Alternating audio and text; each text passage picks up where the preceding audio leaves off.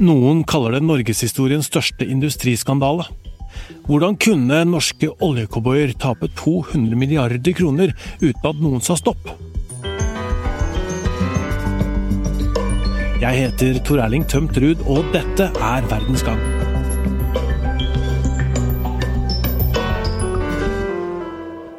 Det norske oljeeventyret er en historie om rå ingeniørkompetanse, blodslit og statlige milliardinntekter. Å bore etter olje i Nordsjøen, fra heftige plattformer, er liksom det ypperste vi nordmenn har fått til sånn industrimessig. Offshore er norskt og betyr rikdom. Men hva skjedde da Statoil, som nå heter Equinor, ville utvide til USA og skulle finne olje i noen bergarter langt nede i bakken, på land? Dagens Næringsliv har avslørt at statseide Statoils investeringer i USA medførte masse sløseri med dine og mine penger det er litt sånn delt selskap der norske virksomheten går aldeles strålende og har gjort det over lang tid. Uh, og f.eks. det nye Sverdrup-feltet som begynte å produsere i fjor høst, er en suksesshistorie for Equinor. Viser at de er dyktige uh, til å drive prosjekter i Norge. Og ja, det er et prosjekt som vil tjene penger nesten uansett hvor lav olje, oljen kommer til, å, kommer til å være. Men i utlandet så har de, eh, har de ikke klart å, å, tjene særlig mye penger. I hvert fall ikke etter de investeringene de gjorde på, på 90-tallet. Det er et delt selskap hvor, eh, hvor, det er suksess hjemme, og så går det dårlig ute, og totalen blir sånn passe. Um, og, og, fordi er, totalen er litt sånn passe, og fordi eh, norske medier og norske politikere ikke har vært interessert i hva som skjer eh, ute, så har ting fått fortsette på den, eh, den måten der. Um, Bl.a. med disse tapene i Amerika. Det norske stats oljeselskap har jo vært en supersuksess, og i boka Giganten, som Åge Borchgrevink har skrevet om Statoils historie, går det nettopp fram at det var viktig at staten tok kontrollen da vi fant olje i Nordsjøen. Statoil er jo rett og slett et slags moderne eventyr, Åge. Det er en utrolig spennende historie. Det er jo vevd sammen med nyere norsk historie. Eh, den har veldig sterke skikkelser, store konflikter og eh, litt sånn eventyrlige suksesser på så mange vis. Fordi norsk oljehistorie er jo et av de noen store økonomiske gullkantede Det har jo gått så bra, og pengene har heller ikke blitt skuslet bort, i ja, noen av dem selvsagt, men i stor grad havnet på liksom gått til hele vårt samfunn. Um, så det, det, er en fabelaktig historie, og Statoil har hatt en kjempestor eh, andel av det.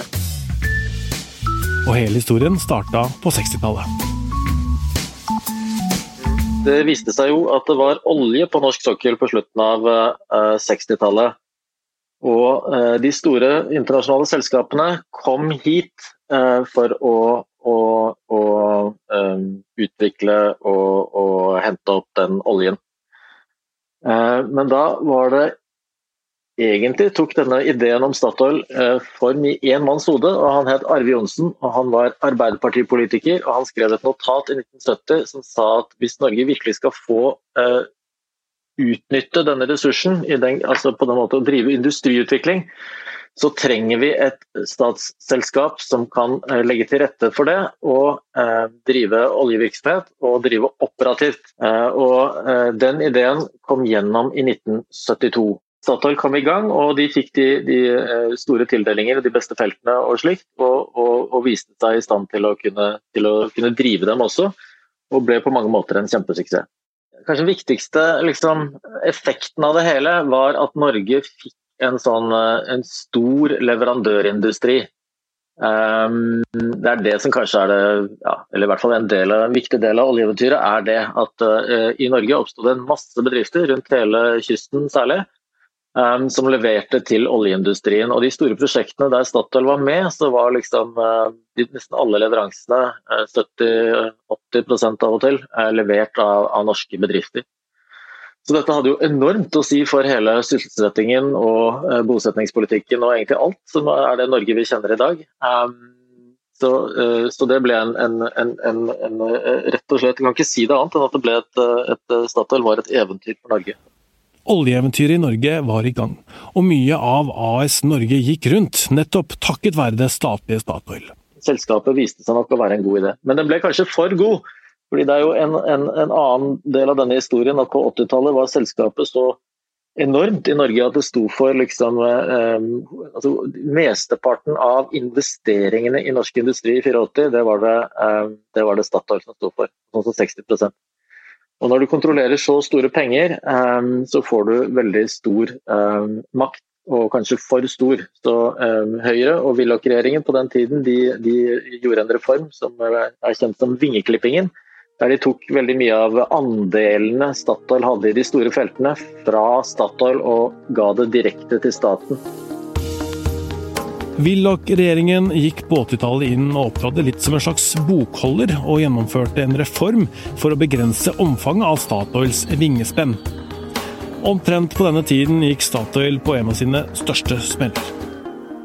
Statoil gikk på en, en kjempesmell eh, på slutten av 80-tallet på et sted eh, ja, på, på, Mongstad. På et raffineri der eh, som de skulle bygge helt selv eh, og, og, eh, og, utvikle. Der, der, der, gikk de på en budsjettsprekk på fem milliarder. Det ble jo en, en gigantskandale den gangen i 1987. Arve Johnsen måtte gå som følge av det der, og begrepet eh, en mong oppsto. Altså når du har kasta bort eh, milliarder kroner ca. Mens nå har jo Statoil eh, Equinor, da, som det heter nå, eh, kastet bort vesentlig mye mer penger utenlands. Men eh, foreløpig så har ikke den summen noe navn ennå. Nei, summen Equinor har tapt på satsingen internasjonalt, og spesielt da i USA, har ikke noe navn ennå. Men det er snakk om mye penger. 200 milliarder kroner. Det er en svimlende sum. Equinor er et delt selskap, for mens den norske virksomheten går strålende, og har gjort det over lang, lang tid, er den internasjonale historien mer brokete. Internasjonaliseringen, internasjonaliseringen er noe jeg skriver mye om i boka mi, og den begynner jo egentlig i 1990. Ehm, da var selskapet veldig stort og dominerende på norsk sokkel, men, men, men, tank, men det, det, man mente da var at norsk sokkel var moden, altså det ville ikke bli noe særlig mer funn der. Skulle selskapet vokse, eh, så måtte det ut. Og så han, eh, Konsernsjefen sa at Statoil skal ut og spille i internasjonal førstedivisjon. Statoil gikk utenlands først med i allianse med BP, altså British Petroleum, et av de mest erfarne selskapene eh, i verden, med mye av de beste eh, geologene og de mest erfarne ja, eh, statsvitere og politisk bevisste ledere eh, og slikt. Um, og det var nok et veldig godt valg, for uh, Statoil kom i løpet av 90-tallet i veldig gode posisjoner mange steder.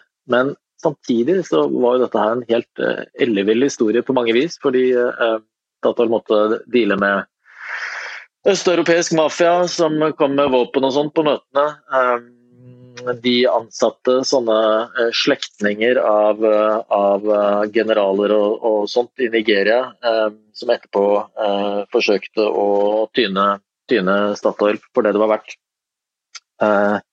og havnet i sånne korrupsjonslignende saker flere steder. Så det var en ganske eh, ellevill historie på, på 90-tallet. Oljefelta som Equinor gikk inn i i USA, har vært omdiskutert. Det er skiferolje og gass som utvinnes fra bergarter ved å bore og så pumpe sand, vann og kjemikalier med høyt trykk for å sprekke opp denne skiferen. Metoden kalles fracking. Du har kanskje sett det på film. Det er de litt høye pumpene som står på bakken og pumper trykk ned i brønnene. De står der hundrevis. Olje og gass samles der nede, og det må transporteres. Og det er en utfordring. Til sjøs så kan man legge rørledninger nær sagt hvor som helst. På land er begrensningene mye større, og frakten må derfor skje på bane eller i trailere. Og det kreves store mengder vann til selve denne fracking-prosessen som må kjøres inn i oljefeltene i tankbiler. Um, og så uh, Da Statoil gikk på børs i 2001, um, så var tanken at de skulle pushe enda hardere ute.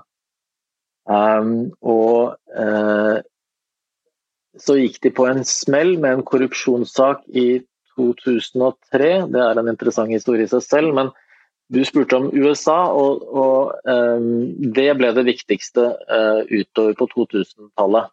Tanken var at, at siden måte det var begrenset med oljeressurser i verden, så måtte man gå inn i nye områder, nye liksom, frontavsnitt, for å, for å finne fremtidens olje. Og eh, skifer altså, for, eh, og det å utnytte sånn der eh, olje som tidligere var umulig å få opp, men, eh, men som ny teknologi klarte å få opp fra sånne skifer- og sandsteinsformasjoner, eh, det var det de eh, først og fremst gikk etter. Så de var i oljesand i, i, i Canada og i skifer flere steder i USA. Der kjøpte de seg opp. På den tiden prisene var høye, både gass og olje, på 2000-tallet. Og det er nettopp USA-historiene vi har hørt mye om i de siste ukene. Dagens Næringsliv beskrev et eh, kaos for de norske oljefolka i USA. Det var sjekker på millionbeløp som lå og slang, bilag og kvitteringer var vanskelig å finne, de hadde svære fester der de blant annet gjorde om et teater til et kasino, og bøy 700 000 for en kalkun på et eh, veldedighetsarrangement. Um, jo, det er jo det det går fram av disse eh, reportasjene til DN, um, som er publisert nå de siste par ukene, viste jo det veldig tydelig. Um, Eh, at det var ganske sånn eh, løs snipp. da. Jeg tror på en måte at eh, selskapet fikk en sånn der go fra toppledelsen. Det er det noen av kildene mine som har snakket om. At de skulle utfordre absolutt alle uh, liksom sånn interne regler for å bare skaffe seg den største indrefileten. Um, og det, det høres jo kanskje bra ut, men jeg tror at på en måte i Statoils internasjonalisering så har det vært en sånn tydelig konfliktlinje internt i selskapet. Og den har i hovedsak gått mellom internrevisjonen og internasjonal avdeling. Så det er veldig tydelig på den korrupsjonssaken i 2003, da internrevisjonen varslet om at internasjonal avdeling hadde bestukket sønnen til en iransk politiker, og prøvde å og prøvde å uh, få ledelsen til å ta uh, et oppgjør med det, noe, noe de ikke gjorde tidsnok. Uh, og det endte med at både konsernsjef og styreleder måtte gå, og Statoil fikk en gigantbot og en kjennelse mot seg i, i, USA. De var jo børsnotert der borte som følge av det. Så sent som i, årsrapporten i 2017 så, så sier jo revisor at uh, internrevisjonen har ikke, har ikke styring på Statoil. De, de, har ikke instrumentene til å ha full kontroll. Så, at, uh, så det, det, har, det, har, vært en uh, ja, litt løssluppen stemning, kan du si, da, i, i, i deler av den internasjonale satsingen til Statoil. Det er det ingen tvil om. Takk til forfatter Åge Borchgrevink. Oljebyen Stavanger har fått kjenne på fallet i oljeprisen, og samtidig som det blei brukt penger som norske oljefolk i USA, begynte folk å miste jobbene sine i Norge. Oljekommentator i Stavanger Aftenblad, Hilde Øvrebekk. Hva skal vi egentlig mene om at det norske oljeselskapet gjorde så store investeringer i USA? Denne satsingen kom jo eh, eh som følge av at Helge Lund, som da var konsernsjef, eh, var veldig ivrig på å bygge selskap i utlandet og få tak i nye eierandeler. Og eh, oljeprisen var på full vei opp, og det var nesten som at ingen så at det var en ende på denne eh, galskapen, vil jeg si, eh, i pengebruk som de holdt på med på den tiden. Og dette er et, et eget kapittel i den sagaen om hvordan oljeindustrien og Statoil og alle brukte altfor mye penger og hadde en slags tanke om at det ikke kommer til å komme en nedtur igjen, selv om historien viser jo i oljeindustrien at det skjer nesten hele veien. Hva var det norske oljefolk ikke skjønte i USA?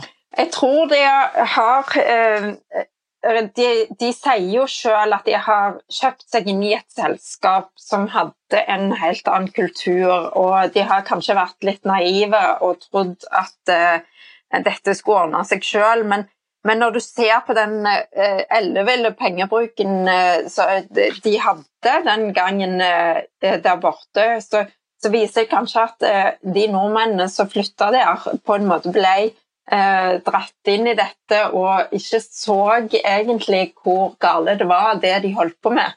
For det er jo en pengebruk som er helt ute av denne verden. Du skulle nesten ikke tro at det var sant at de kunne bruke f.eks. 700 000 på en kalkun. Har den pengebruken eh, kunnet vært oppdaget, eller har det vært skjult på noen måte? De påstår sjøl, eh, ledelsen, at det ikke har vært eh, skjult og hemmeligholdt, men, men det er tall som både analytikere, journalister og fagforeninger i mange år har spurt om å få. Og, og det å rapportere USA som et eget segment det kom nå på generalforsamlingen i forrige uke at det skal de begynne med nå. Men det er jo først etter at disse avsløringene har kommet fra DN, eh, at det kommer opp som et tema. Og da syns jeg det er veldig rart at det, det skal de begynne med nå, eh, mens det i mange år har vært sånn at det har blitt etterspurt få disse spesifikke tallene. Men så sier jo nå oljeministeren at uh, disse nedskrivingene, som det heter, altså fallet i verdien, uh, har kommet fram i årsrapporter, og de har visst dette. Men du skal kunne lese årsrapporter veldig godt for, for å se det, er det sånn? Nei, grunn, ja, både og.